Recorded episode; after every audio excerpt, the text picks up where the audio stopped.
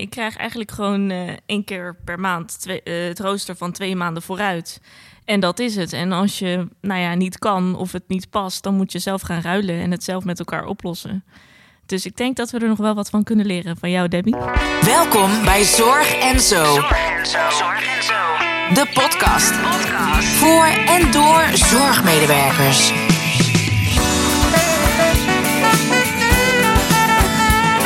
Onmisbaar voor velen. Maar wat houdt jou bezig op en om je werk? Marijke, Stephanie, Debbie en Esther. Aan tafel bij Zorg en Zo. Welkom aan tafel bij de derde aflevering van Zorg en Zo. De podcast voor en door medewerkers in de zorg. We bespreken dilemma's in en om het werk. En in deze aflevering duiken we in het thema flexibiliteit. Is dat nou een zegen of een vloek? Ik voer het gesprek met Debbie Klok, Esther van Noorden en Stephanie Pennings. Zorg, zorg en zo. Zorg en zo. De podcast. Esther, voor welke activiteit of welk evenement zet jij alles opzij om erbij te kunnen zijn? Uh, nou, lekker naar het strand gaan. Met dit weer. Met dit weer. het is heerlijk zondag vandaag. Ja, maar ik heb niet echt een festival of zo specifiek hoor. Het is niet specifiek één ding per jaar waarvan je zegt, daar wil ik echt Ehm, vrij voor hebben. Oh ja, er is wel de feestweek. Ja, ik ging altijd uh, waar ik vandaan kom, het dorp waar ik vandaan kom, die heeft altijd een feestweek. Dat vind ik altijd wel heel leuk.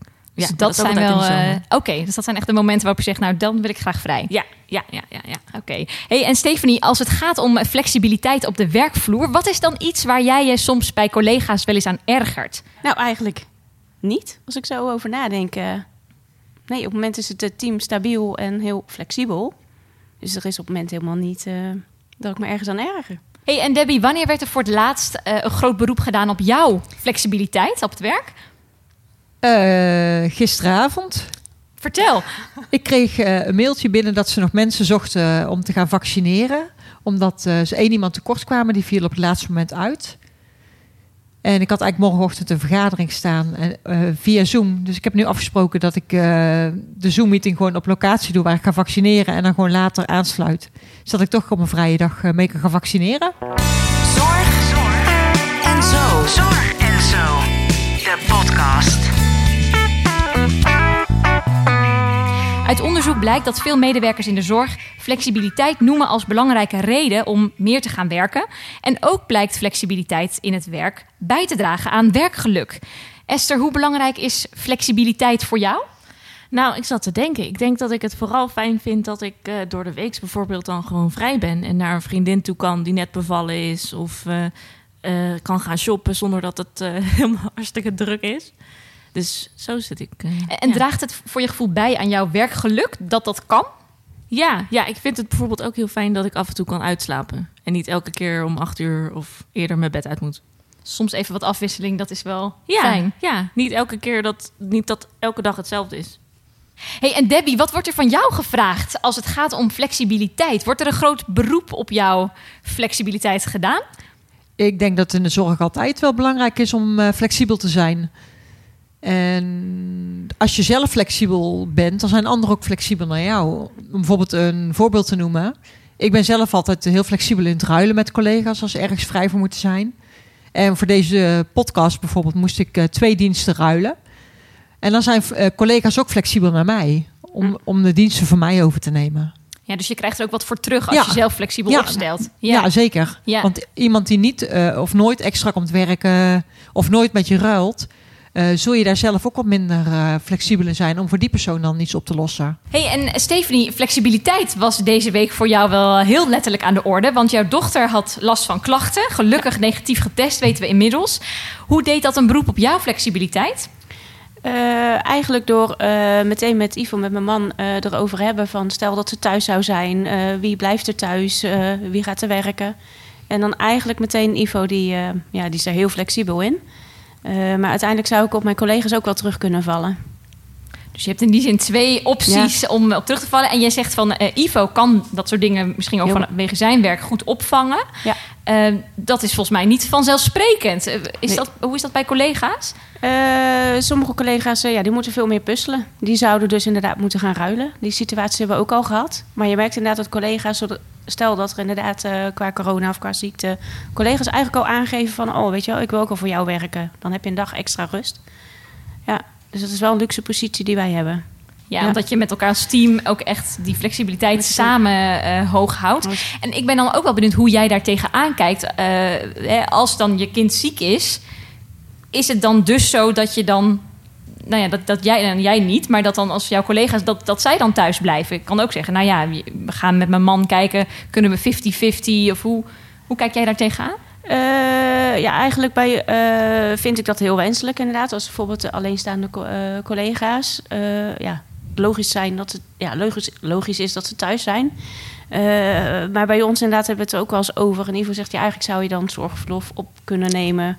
Maar net, was net mijn volgende vraag inderdaad. Was die, was die mogelijkheid er? Ja, die zou er waarschijnlijk kunnen zijn, maar zover komen we niet.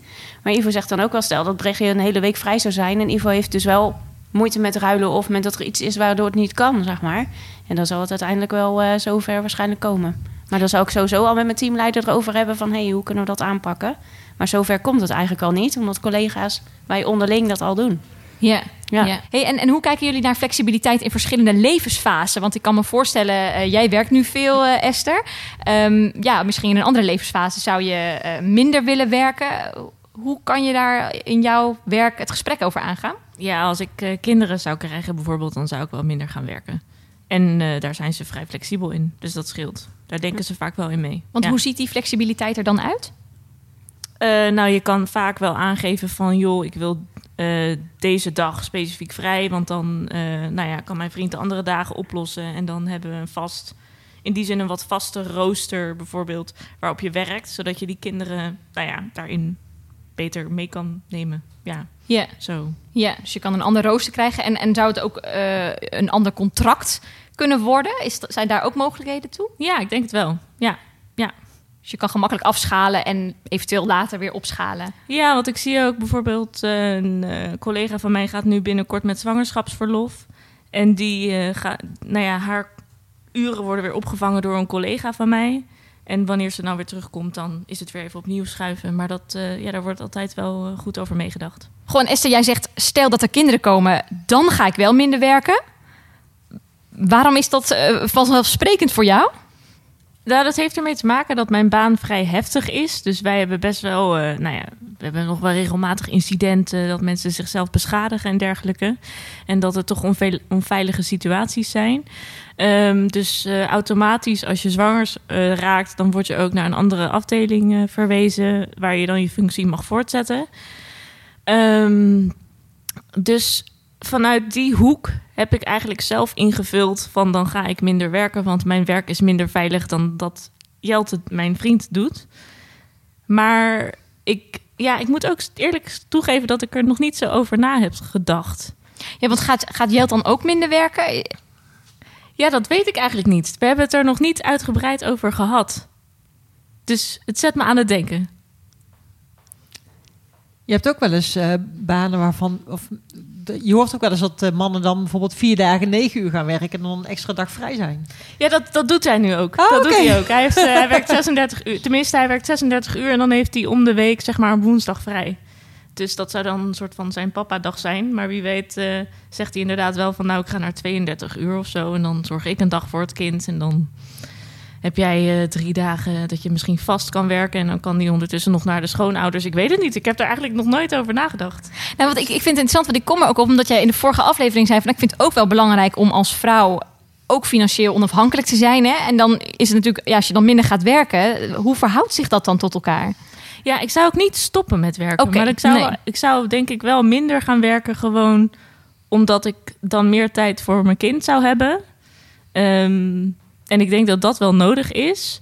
En in principe kan je met, eh, nou ja, als ik weer terug ga naar 24 uur, kon ik mezelf ook prima redden.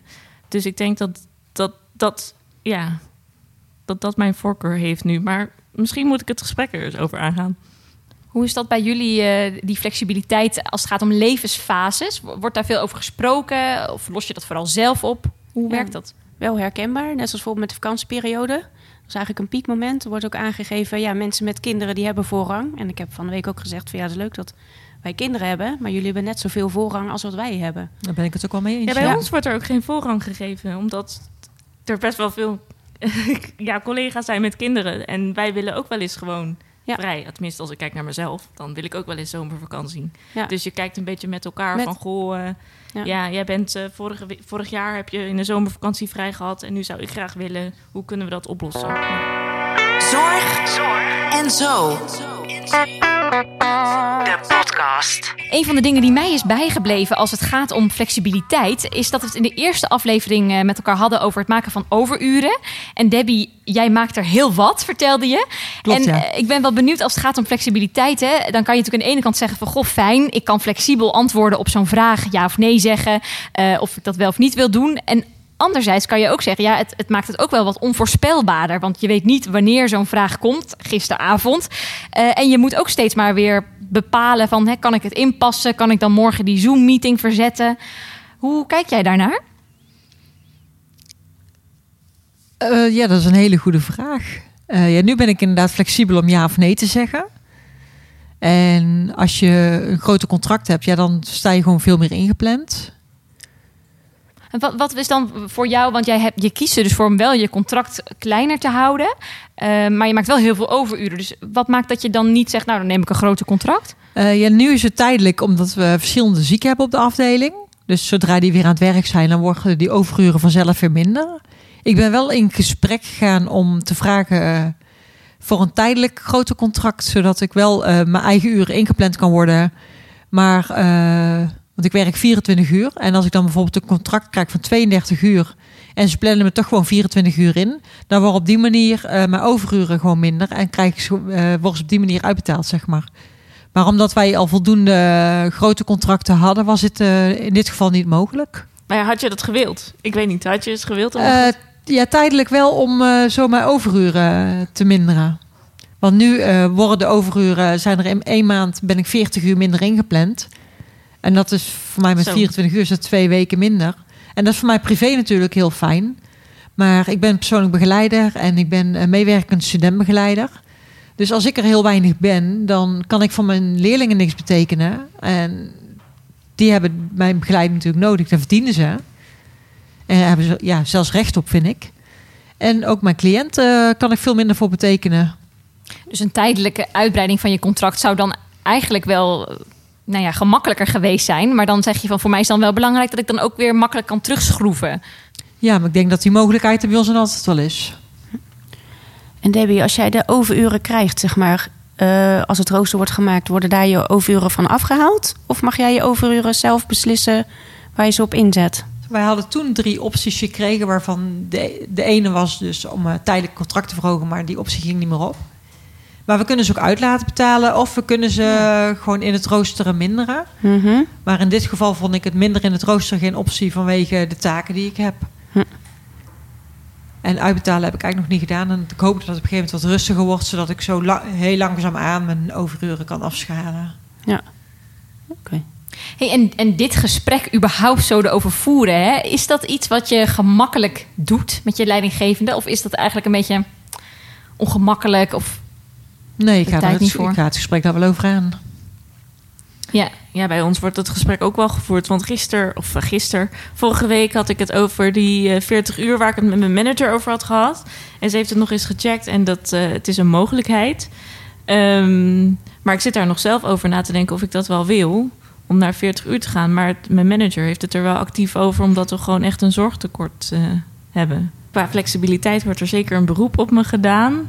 Maar het is een optie die je dan zelf mag overwegen. En het is niet zo dat het wordt opgelegd van... nou Esther, we willen graag dat je naar 40 uur gaat.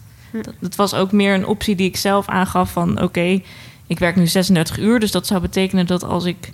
nou ja, wat ik dan nog zou kunnen is naar 40 uur... als dat überhaupt al een mogelijkheid is. En wat levert dat dan op? En eh, nou ja, mijn manager die, die zag dat wel zitten, dus die is dat uit gaan zoeken. En zodoende is dat balletje gaan rollen. Maar je denkt wel zelf eens na van wil ik dat eigenlijk wel? En dat kost ook tijd. En het is niet zo dat het je opgelegd wordt. Ja, want eigenlijk is normaal 36 uur ook eh, fulltime. Ja, nee, dat is het bij ons ook hoor. Dus ja, dat is 40 uur eigenlijk al, ook niet eh, zonder reden natuurlijk. Nee, nee. En ze zei ook eh, van... joh Esther, je mag dan naar 40 uur... maar dan spreken we wel een half jaar af... en dat we na een half jaar weer evalueren... omdat het ook een beroep op jou doet. Dus ze is daar heel reëel in. Oh, wel mooi dat op die manier naar gekeken kan worden. Dan. Ja, ja, zeker. Ja, vooral nu straks de zomerperiode er weer aankomt en zo. Dat is altijd eh, pittig. En we, er gaan iets van zes collega's weg. Dus Oh, dat is veel. Zo. ja, ja, we hebben echt een tekort. Zorg en zo. Straks hebben Esther en Stephanie een gouden tip als het gaat om flexibiliteit. Zorg, zorg en zo. De podcast. Als je het over flexibiliteit hebt, dan denk je al snel aan roosteren. De flexibiliteit van de een maakt of breekt een prettig rooster voor de ander. Debbie, eh, hoe is het roosteren bij jullie geregeld? Eh, wij werken via een roosterprogramma eh, waarin wordt gewerkt in drie rondes. In de eerste ronde mogen wij zelf eh, ons rooster zo invullen dat het voor ons ideaal zou zijn. Dan, als iedereen hem heeft ingevuld, gaat hij in ronde 2. En dan kunnen we zien waar de diensten tekort zijn en diensten te veel zijn. En dan kun je daar zelf in gaan schuiven. En dan is het eigenlijk, zou het het mooiste zijn als je in ronde 2 met elkaar zo kunt gaan schuiven dat het rooster kloppend is. Maar dat is heel vaak niet. Dus dan gaat hij over in ronde 3. En dan maakt de roosteraar hem compleet. Dus dan kan het wel zijn dat er veel in jouw diensten geschoven wordt. Oké, dus dat is wel- het klinkt voor mij wel als een bijzondere manier van roosteren. Is dat, is dat iets nieuws of anders dan dat voorheen gebeurde? Mm, Nee, wij werken hier al een aantal jaar mee. En, en wa- wat, eh, hoe ervaar jij deze manier? Want het, het is wel bijzonder dat je eerst zelf helemaal de vrije hand hebt van nou, dit kan je aangeven. Dan zie je waar de gaten zitten. En dan pas wordt het compleet. Ja.